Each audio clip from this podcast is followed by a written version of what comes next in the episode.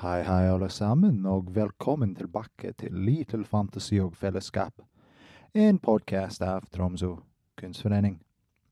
Jeg heter James, og jeg er produsent for denne podkastserien.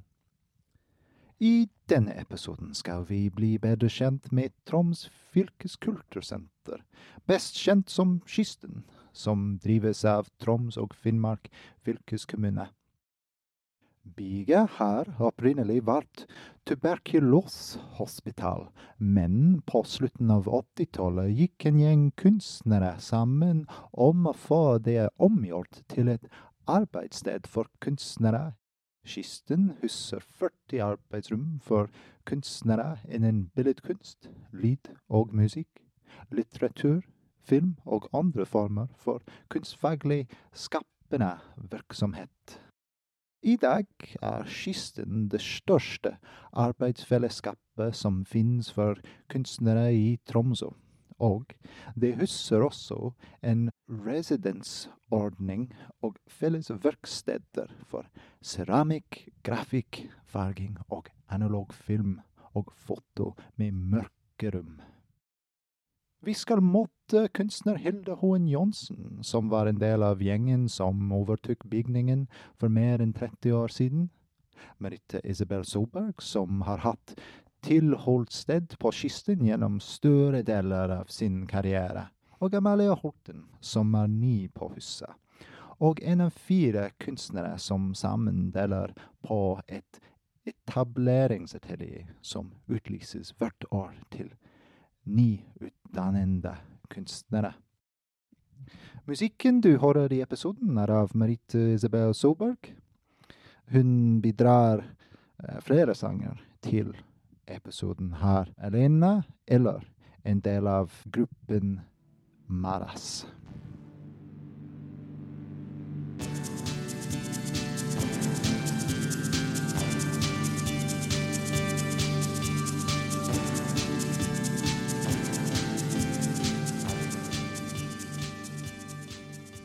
Ja, hei. Jeg heter Hilde, og jeg er kunstner. Her på kysten har jeg mitt atelier. Og det jeg har lyst til å fortelle dere litt om, det er selve starten av det som het Kysthospitalet den gang. I sånn 88 cirka, da var vi en gjeng kunstnere som lenge hadde snakk om at vi må jo kunne finne et ordentlig atelier, et sted til å lage et atelierfellesskap. Vi var på leiting rundt omkring. All, da, den gangen da, så var vi flere som hadde flytta til byen etter endt utdannelse i ja, Bergen, Oslo og i utlandet, mange av oss. Så eh, en dag så forsto vi jo at en del av disse bygningene som var en del av sykehuset, eh, skulle flyttes, flyttes, fra fordi at sykehuset skulle var i gang med å få et stort, nytt universitetshospital på universitetscampus.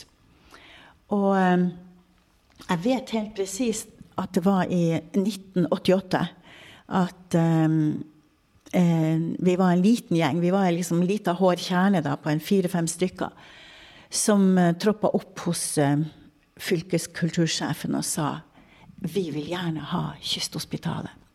Da hadde vi allerede vært rundt og sett på Lærfabrikken, Sankt Elisabeth, og vi hadde vært her og kikka. Eh, vi tenkte at dette var kjempegodt egna. Hver etasje var på 1000 kvadrat. Og vi trengte jo bare én, så vi ville jo ha flere med oss. Vi, var vi ønska å lage 14 atelier. Det, så, det var det som var behovet den gang. Pluss noen felles verksteder. Så var, vi var en, en, stor gjeng. altså Vi var 14 stykker, men vi var selvfølgelig eh, Så blir man jo på en måte den hårde kjerna som reiser rundt og, og er med på fylkeskultur eh, kulturutvalgets eh, møte og ber om å få lov til å fortelle om dette fantastiske prosjektet osv. Og, så videre, og vi fikk lov til det. Og det var jo veldig morsomt, fordi at eh, da var det meg og Gøril Julin som reiste.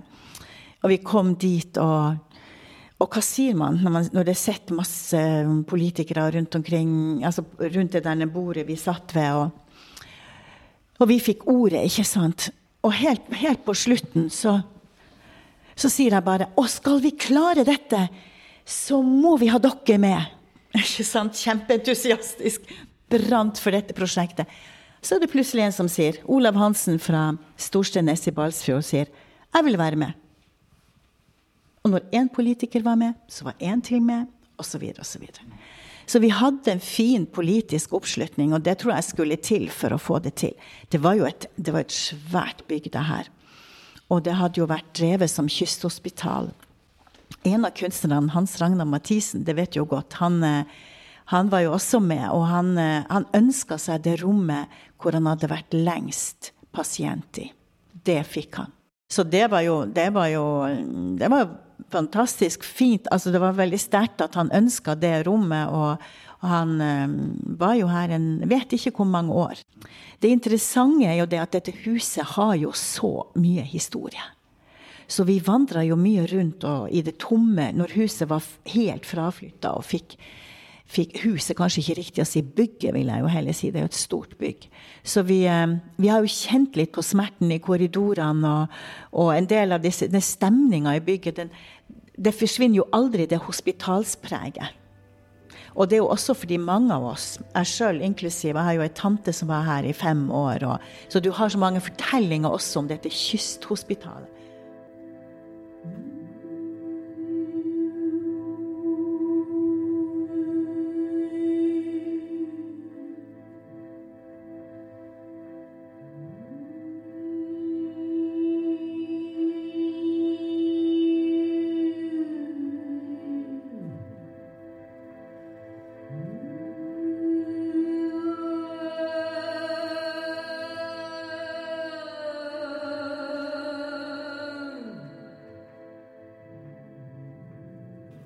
Vi, kontakta jo politikerne i 88. Og i 1990, i april, så ble det bestemt at um, vi fikk det. Det var jo mange som var ute etter det. Veldig mange. Eh, altså Noen ville bruke det til et eldresenter. Noen ville andre etater, som det het i fylke og kommune, var også interessert for å utvide. Men, men eh, da var vi allerede blitt så um, hva skal si, Vi hadde snakka så mye om det, vi hadde vært i så mye dialoger med, med politikere osv. Så, videre. så det ble, det ble stemt frem at vi skulle ha det. Ja. Men etter det så var det gått ikke sant, 88, så var det gått to år. Så vi flytta jo ikke inn før i eh, Altså offisielt flytta vi inn 19.10.94. Da var den store åpnings forestillinger som vi lagde i forbindelse med det. Åse Kleveland, en kjent uh, visesanger, og hun var veldig kjent som kultur, da hun var kulturminister, kom og åpna dette stedet. For det ble på en måte et eller annet slags pilotprosjekt når det gjaldt det å få til å lage et, uh, et atelierfellesskap. Uh, så av en eller annen grunn så, så fikk vi mye nasjonal oppmerksomhet òg. Men men eh, vi flytta jo inn før 94. Vi flytta jo inn året før. Vi flytta inn du kan si antagelig i begynnelsen av 93 begynte vi så smått å flytte inn. Da var det gjort en del ombygging her. Eh, vi skulle jo restaurere våre egne rom, våre egne atelier. Men det skulle jo inn noe ventilasjon. Det skulle eh, En del av de hospitalsutstyret som ennå sto her, skulle jo ut. For etter at det hadde vært kysthospital, hadde det vært ja, hud, uh, hudavdelinga til syke og litt forskjellige andre ting. Lunge og hud og litt forskjellig. Så det var jo mye som sto etter selve altså sykehuset sine apparater, og det var senger, og det var møbler, og det var ditt og datt. Det skulle ut. På loftet, fant, før, før, alt dette var flytta ut, så fant vi en masse utstyr til skole, skole fordi da da det var tuberkulosehospital her, altså kysthospital, så var det jo en skole her òg. Vi fant fantastisk fine, gamle plansjer som man hadde på skolen den gang. Både kart og dyr og fugleliv osv. Men de var forsvunnet. Så folk var her og forsynte seg med ting. Det vet vi. Også møbler vi egentlig hadde lyst til å bruke på vårt atelier, bord og sånn, forsvant. Det gjør det jo gjerne når det er Ja, vi vet jo det. Men vi hadde vi, vi, had, vi kom inn i hvert vårt atelier. Vi hadde tegna et kart over det hele og bestemt og var veldig sånn hva skal si, demokratiske i måten å bestemme. Eh, liksom analyserte hva er det de forskjellige trenger. Hvor stort rom. Trenger man ventilasjon? Trenger man ikke ventilasjon? Hvem har lyst til å være veldig nært hverandre fordi de jobber sammen? Osv. Så, videre, og så, videre. så puslespillet gikk opp uten noe som helst problem. Altså, I løpet av den ombygginga som jo måtte, uh, måtte, gjøres før vi kom inn, og, uh, og, uh, og, alt av det utstyret som ble flytta ut samtidig, så, og vi sjøl skulle male og, og f.eks. montere vasker hvis vi ville ha det, og gjøre en del sånne inn, Altså planlegge hvordan vi ville ha atelieret vårt et, vårt eget atelier, så var det selvfølgelig en sånn makeover. Altså vi på en måte inntok det. Og vi var bare så utrolig glad. Vi var jo desperate etter å få ordentlige arbeidsforhold, de fleste av oss. Så vi var bare kjempeglade for, at, eh, for å være inne her. Og vi jobba mye kollektivt sammen. Vi hadde jo også det som nå er kulturskolen, hadde vi jo som eh, eh kantine. Og vi hadde jo rom der nede også som vi kunne bruke til å stille ut. Og vi hadde åpne dager hvor vi inviterte folk til å komme innom og se. Og vi hadde masse sånn felles eh, sammenkomster med middager i lag i den kantina hvor vi kunne lage mat. Og, og eh, i det hele tatt, det var mye, mye sånn fellesskap. Det starta med mye fellesskap, for vi var jo utrolig glad og faktisk veldig takknemlige for at vi hadde fått dette stedet. Jeg spurte Hilde om hva slags politisk støtte de fikk, og hvordan prosessen var med å bygge om et gammelt sykehus til et atelierfellesskap. Vi kan godt snakke litt mer om politikerne, som du sier. fordi eh, det er klart at eh, vi opplevde stor støtte fra um, Arbeiderpartiet, fra SV, fra, fra, Rødt, fra disse partiene her på venstresida. Også sånn Venstre og andre, også en del av Hvis du tenker sånn partipolitisk, høyrefolk som var kanskje litt mer sånn kulturkonservative, som også skjønte at byen trengte at, uh, trengte å gi en mulighet for unge kunstnere å slå, å slå seg ned. For problemet var jo det at hvis vi skulle ut og leie, så var det ikke mye ledig. Det var nesten ingenting. Vi fant kanskje et kjellerrom her og et loftsrom der, men ikke et atelier som var godt å jobbe i, som hadde en viss størrelse vi, og en viss takhøyde. ikke sant? Så vår argumentasjon det, det gikk i flere retninger. Blant annet, for det første så var det jo det at hvis vi ikke får eh, dette stedet her, så kommer mange til å flytte herifra, rett og slett. Eller slutte som kunstnere fordi at for arbeidsforholdene i utgangspunktet er jo vanskelig. Du bor langt nordpå. Hvis du skal eksempel, tenk hvor mange skulptører har vi i Tromsø. Det er dyrt å få materialer hit. Det er vanskelig å finne gode arbeidsforhold. Det er, hvis du skal sende en skulptur til Oslo eksempel, eller til utlandet et sted altså Allerede var det jo en ganske, ganske store utfordringer i forhold til materialer, i forhold til ordentlige arbeidsforhold. Og disse argumentene det forsto politikerne. Og det var en sånn entusiasme. Vi ble møtt med en entusiasme. Bortsett fra, um, fra Fremskrittspartiet. Fordi de brukte sin pensjonistgruppe i fronten for å gå imot oss. Altså, de lagde demonstrasjonstog hvor de sa eh, ja til eldre, nei til kultur. Sto det på plansjene deres som de bar. Og vi, vi, altså jeg husker bare, vi ble litt sånn i harnisk. Og vi, det vårt motargument var jo det at ja, men altså, de eldre er kulturbærerne. Det er hos dere vi har lært. Det, det, er jo derfor vi altså Vi har jo mye vi vil uttrykke som kunstnere nettopp fordi at fortellinga kommer fra dere. Og vi er i en landsdel som ikke har hatt så veldig mange kunstnere. Lokale kunstnere. Det har vært mange tilreisende, men hvor mange har bare blitt der og blitt der. Idar har blitt der, flere har blitt der. Og disse demonstrasjonstogene dem prøvde de seg på, for de ville jo, Fremskrittspartiet ville ha dette til et eldresenter. Og alle som hadde jobba Bygnings, bygningsteknisk med bygget. For det var jo også gjort. ikke sant? Det var jo gjort en del sånn rapporter på forskjellige ting. Sa jo det at skal, det blir billigere å bygge et nytt eldresenter enn å bygge dette om. Og parken er så stor at hvis man ville ha et eldresenter her, så ville det jo være plass til det også. Så eh, de, eh, de bare, det falt på sin egen urimelighet, det de holdt på med, med av demonstrasjoner. Også i forhold til det å være kunstner i denne byen her. Ikke sant? Det var nesten ingen galleri å stille ut i. Det var osv. Så, videre, og så, videre. sånn at det er jo en utfordring. Er du i en storby, eller er du i et sentralt område i hvert fall, i omkring en, større, en storby, Oslo, Bergen, Trondheim, så har du så mange fasiliteter allerede ikke sant, til å klare det som kunstner. Det er en større utfordring her. Skal vi se I alle fall det som vi opplevde med der eh, de første årene. For at, så gikk det jo noen det, Jeg var jo vi var veldig aktive egentlig i det her med å gjøre ting sammen. liksom, Å finne steder å stille ut. Og, og, det var jo også veldig viktig for oss. Og så var det jo andre ting vi diskuterte parallelt. Det var jo akademiet. Vi ønska jo et akademi.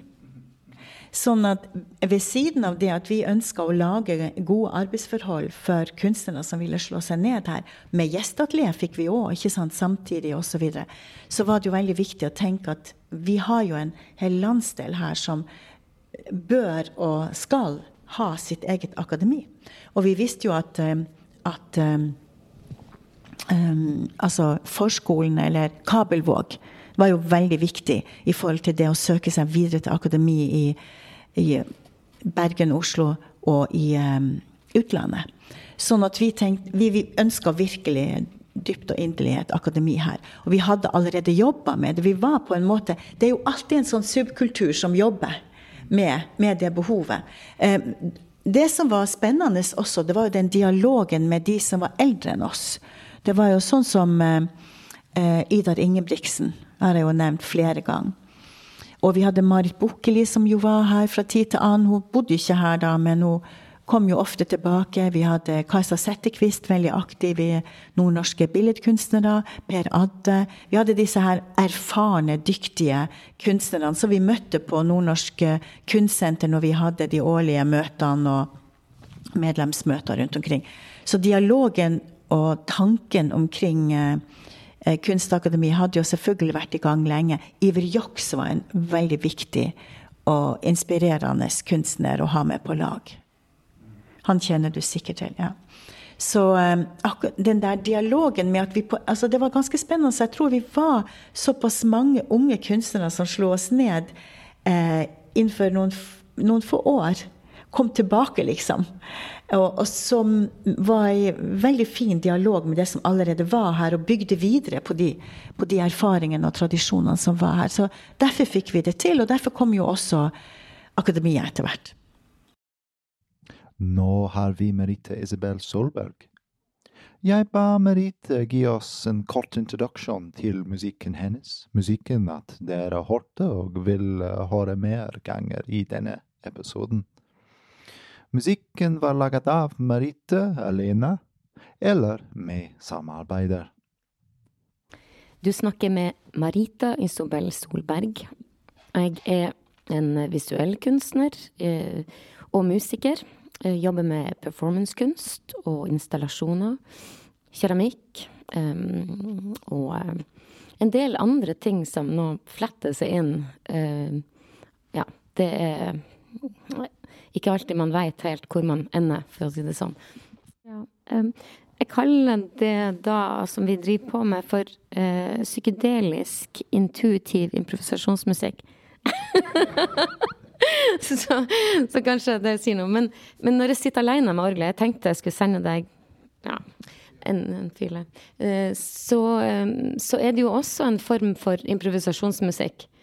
Um, så det tar utgangspunkt i stemning, og, og så bare følge, eh, følge meg, mine tank, prøve å følge tankene hvor de tar meg. Det er egentlig det jeg jobber med nå, i stor grad. Så driver jo og komponerer tekster og lager melodier, og alltid når jeg er ute i naturen, så lager jeg melodier. Og så hører jeg på dem igjen og igjen, og så plutselig popper de opp inn i, inn i eh, musikken. Så det liksom tar med meg eh, Tar med meg det jeg opplever. Og så kommer de De kommer inn, de kommer ut av den, en sånn intuitiv følge, følg, Altså hvor jeg følger melodien, da. Tar, tar meg av sted. I hvert fall meg. Så får jeg håpe det med andre òg, tenker jeg. Det er både når jeg holder på alene, og når jeg holder på med andre, så er det målet, da. Å ta, ta dere med på et eller annet vis.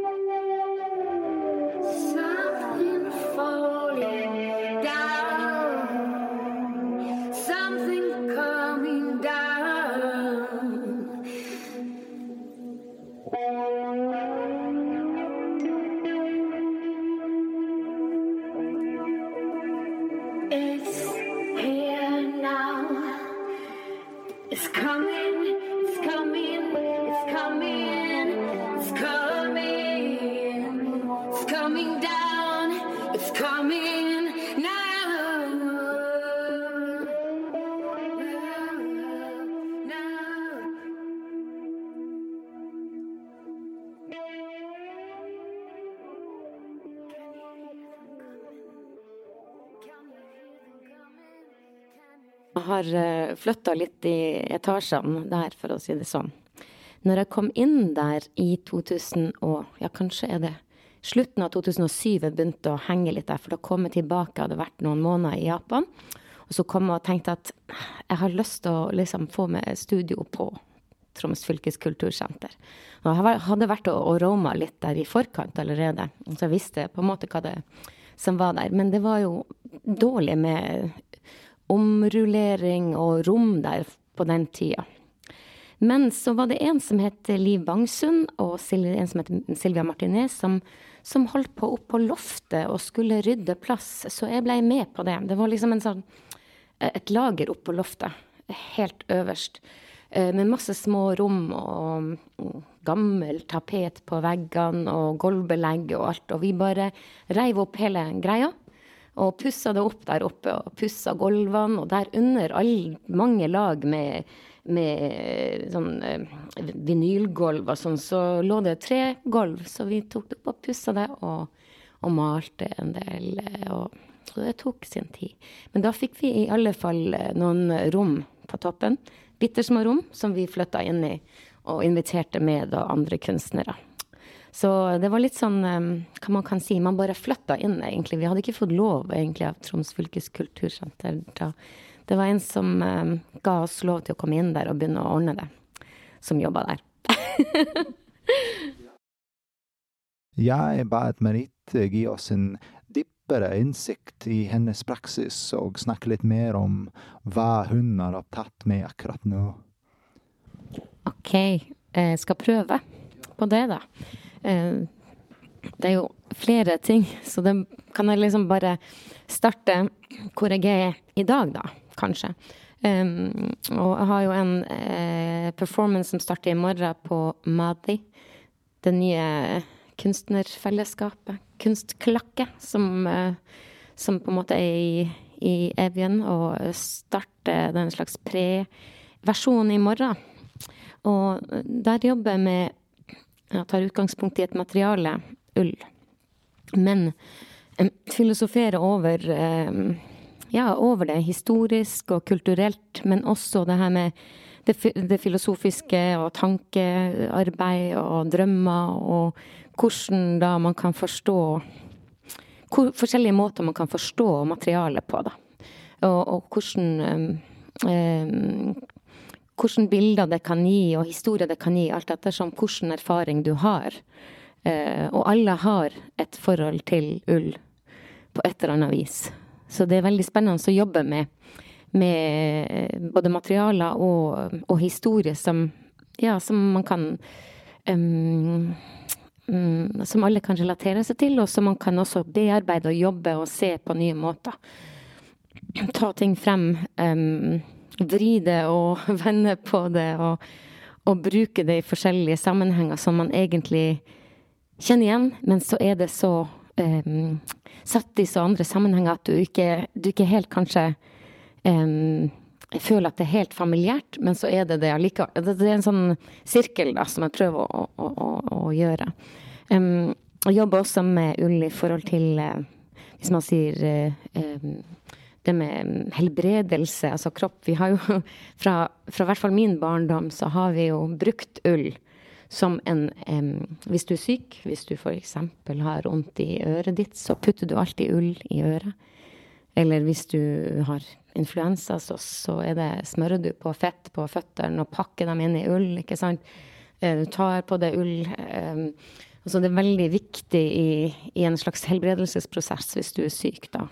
Uh, har du vorte, så, så knyter du en ulltråd rundt, ikke sant. Um, vi har um, uh, ja, det er så mange historier der, ikke sant, med, med, hvordan man har gjort Vi har også veving, en spesiell eh, Oppstad-vevtradisjon hjemmefra som også liksom vokste opp med. Så du har det veldig tett på deg, veldig tett på, på kropp. Og så prøv å ta det her om, og så lage noe, lage noe nytt ut av det, men samtidig gi folk en opplevelse um, og lar de reise i sine egne tanker. Det håper jeg. Mm. Ja. Um, og jeg har jo jobba en del med forskjellige materialer opp gjennom tida, så jeg tar for meg litt forskjellige materialer, eller redskap, eller eh, Blant annet deg har jeg jo hatt en god runde med. Um, um, jeg har um, jobba med leire og jord. Uh, og keramikk har jeg vært opptatt av mye uh, opp i tiden av tidene. Um, har um, akkurat et, nå også et prosjekt som har mm, holdt på med de siste uh, fire årene, som er et slags apotek jeg har begynt å bygge opp. Et slags magisk apotek da, som, som består av mange deler av mitt kunstnerskap, men også det her med, med det man tenker på om apotek, at her skal du få medisin. Eh, så lage forskjellige blandinger og miksturer, planter og, og vekster og forskjellige sånt. Um, um, både kremmer og teer og, og, sånne ting som man, som man uh, kan uh, um, hjelpe på med ting. Men så prøve å blande inn Sorry. Prøve å blande inn um, alle de her erfaringene jeg har da, med hvordan jeg kan prøve å hjelpe folk. Jeg er jo ikke lege eller massør eller jeg jobber ikke på apotek til vanlig, men her er det liksom å bruke kunnskapen sin for å gi noen noe. Så der, det jobber jeg mye med. Det er et veldig, veldig fint prosjekt. Både dans og, og performancekunst er med i, i det magiske apoteket. Mm. Merit snakket litt om utdannelsen sin som musiker, og hvordan det informerer om kreativiteten hennes. Ja, tidligere så Jeg har jo, hva man skal si Jeg har ikke en høyere utdannelse innen musikk, men jeg har tatt den med meg. Så jeg starta min utdannelse i musikk når jeg var syv, men før det så hadde jeg jo også undervisning. Eh, men sånn, musikkskole starta jeg når jeg var syv år. Så har jeg da vært i musikkskole med til og med operalærere og sanglærer. Og sunget i kor og spilt uh, både piano og saksofon og sånne ting opp igjennom. Til jeg da ble 15-16 og begynte på musikklinja på Kongsbakken her i Tromsø. Så der gikk jeg da også i tre år. Og etter det så jobba jeg faktisk som musikklærer eh, et par år eh, på eh, både kulturskole og i en ungdomsskole. Så jeg liksom jobba med musikk. Og så tok jeg det da videre med i kunstutdannelsen og har hele tida jobba med det med mine performance eller installasjoner. Og det har liksom vært et prosjekt. Så Maras er da et uh, resultat, hva man kan si. Jeg starta Mara and the Inner Strangeness uh, mens jeg gikk på Kunsthøgskolen. Og så har det da vært Når jeg kom her til byen, så starta jeg da uh, et fullt band og fikk med meg en del folk. Så der har det vært noen variasjoner i, i musikere. Men vi har da jobba til 2013-2014 som Mara and the Inner Strangeness, da med en del um, Ja, da prøvde jeg jo faktisk å jobbe uh, med improvisasjon òg, men det gikk liksom ikke. Så det ble en sånn det ble komponert, på en måte. Og ja, eh, ganske konkrete eh, låter som um, Og det var veldig fint å, å, jobbe så lenge. Så har jeg liksom hatt en sånn dragning. Jeg vil mer og mer mot det, det som er jeg sier jordnært. Altså, jeg vil, jeg vil ha en slags sånn um, Tilbake til noe Altså sånne naturfølelser, sånne dype, store rom da, som jeg kan være i. At det, at det ikke må forholde meg hele tida til at nå skifter vi, og vi, skal, vi må mm, ha akkordprogresjoner, vi må det ene og det andre. Men mer det skal på en måte være stemninga og hvor melodien drar en. Det skal på en måte være førende, eh, tenker jeg da. Så jeg prøver jo å, å jobbe sånn. Og så har jeg jo vært så heldig å på en måte har Stig, som har spilt med meg i alle år der. Han er også med videre. Og så jobber med en som heter Risto Poronen, som um, også spiller i et annet band som heter Cleaning Women. Basert i Finland, Helsinki-området. Um, og vi har liksom funnet eh, en slags sånn her greie, så det skjer noe hver gang vi møtes, da. Um, så de jobber med videre nå på et prosjekt som vi skal ha til bl.a. Festspillene neste år, som heter Jording. Etnamastin. Um, og der er det mye um, intuisjon og improvisasjonsmusikk også, som på en måte tar Starter i en komposisjon, men så utvider det seg. Så vi hatt nå en prøvekonsert i Harstad for noen uker siden. Så skal vi snart ha en liten greie igjen. Ikke i Tromsø, men et annet sted. Og så blir det en større greie på Festspillene neste sommer. Mm. Eh, ja, jeg vil enda si noe. Vi har jo også med Mara sa vi utgivelse av nytt album. Hvert øyeblikk nå har vi tre videoer, tre låter som har fått video som er sluppet. Så jeg har liksom lyst til å ha en video til hver av dem. Så vi venter på den fjerde. Og så kommer plata, hele plata ute nå. Da skal alle ligge ute på, på uh, The World Wide net network.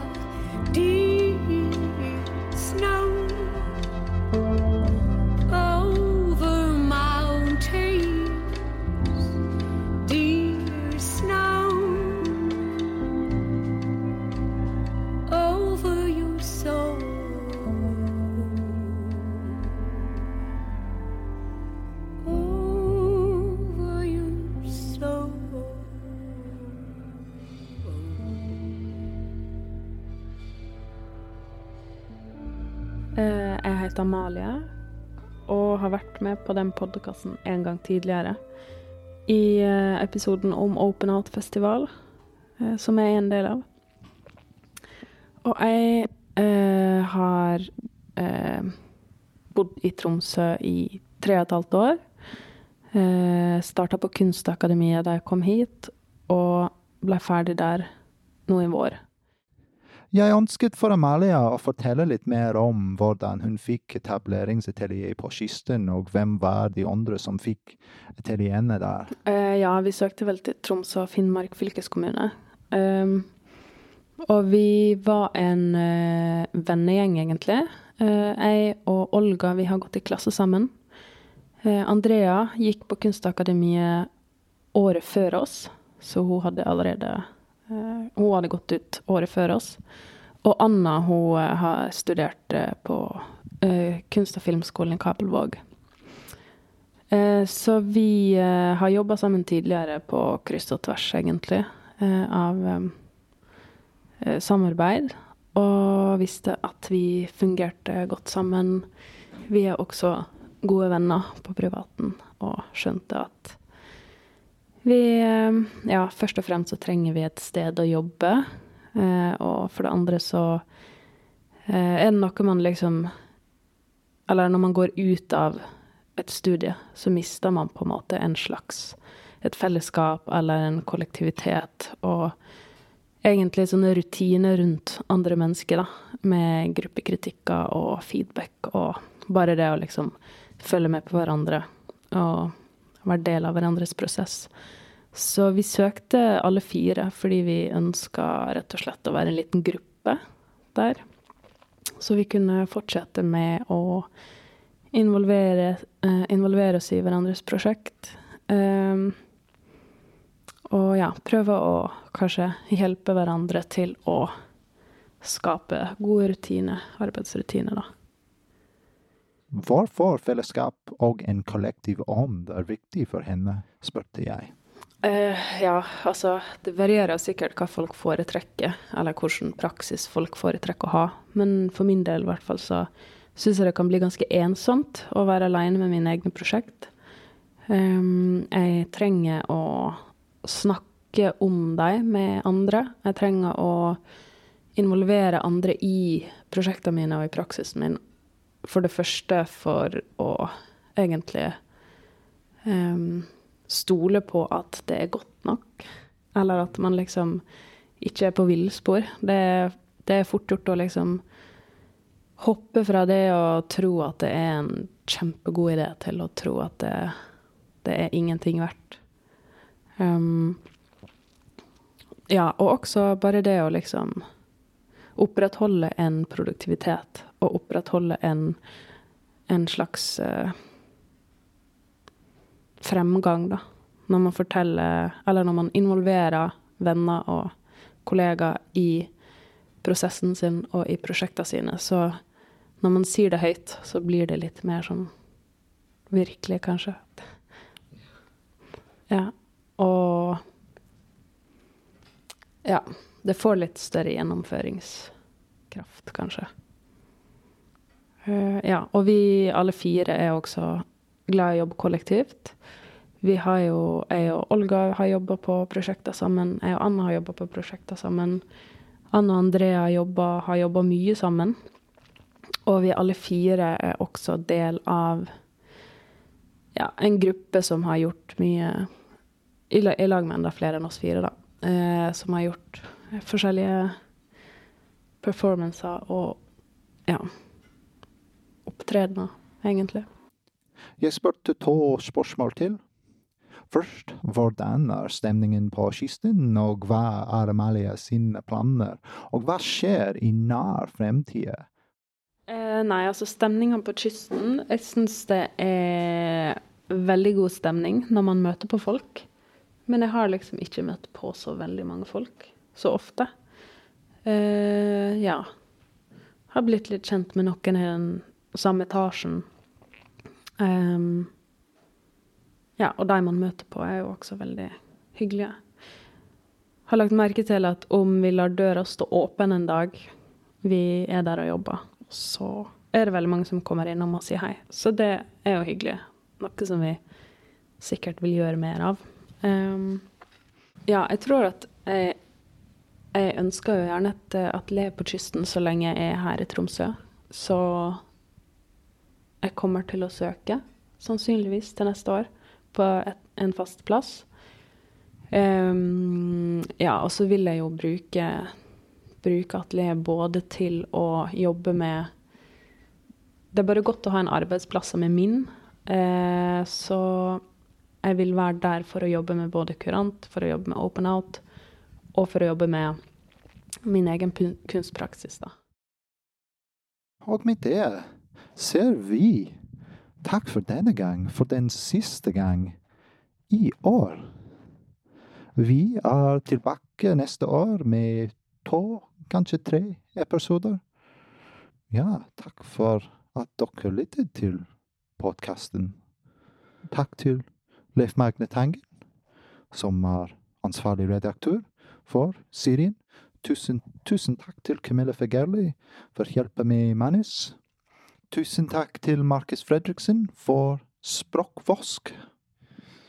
Tusen takk til uh, André Ingerås for kjenningsmelodien.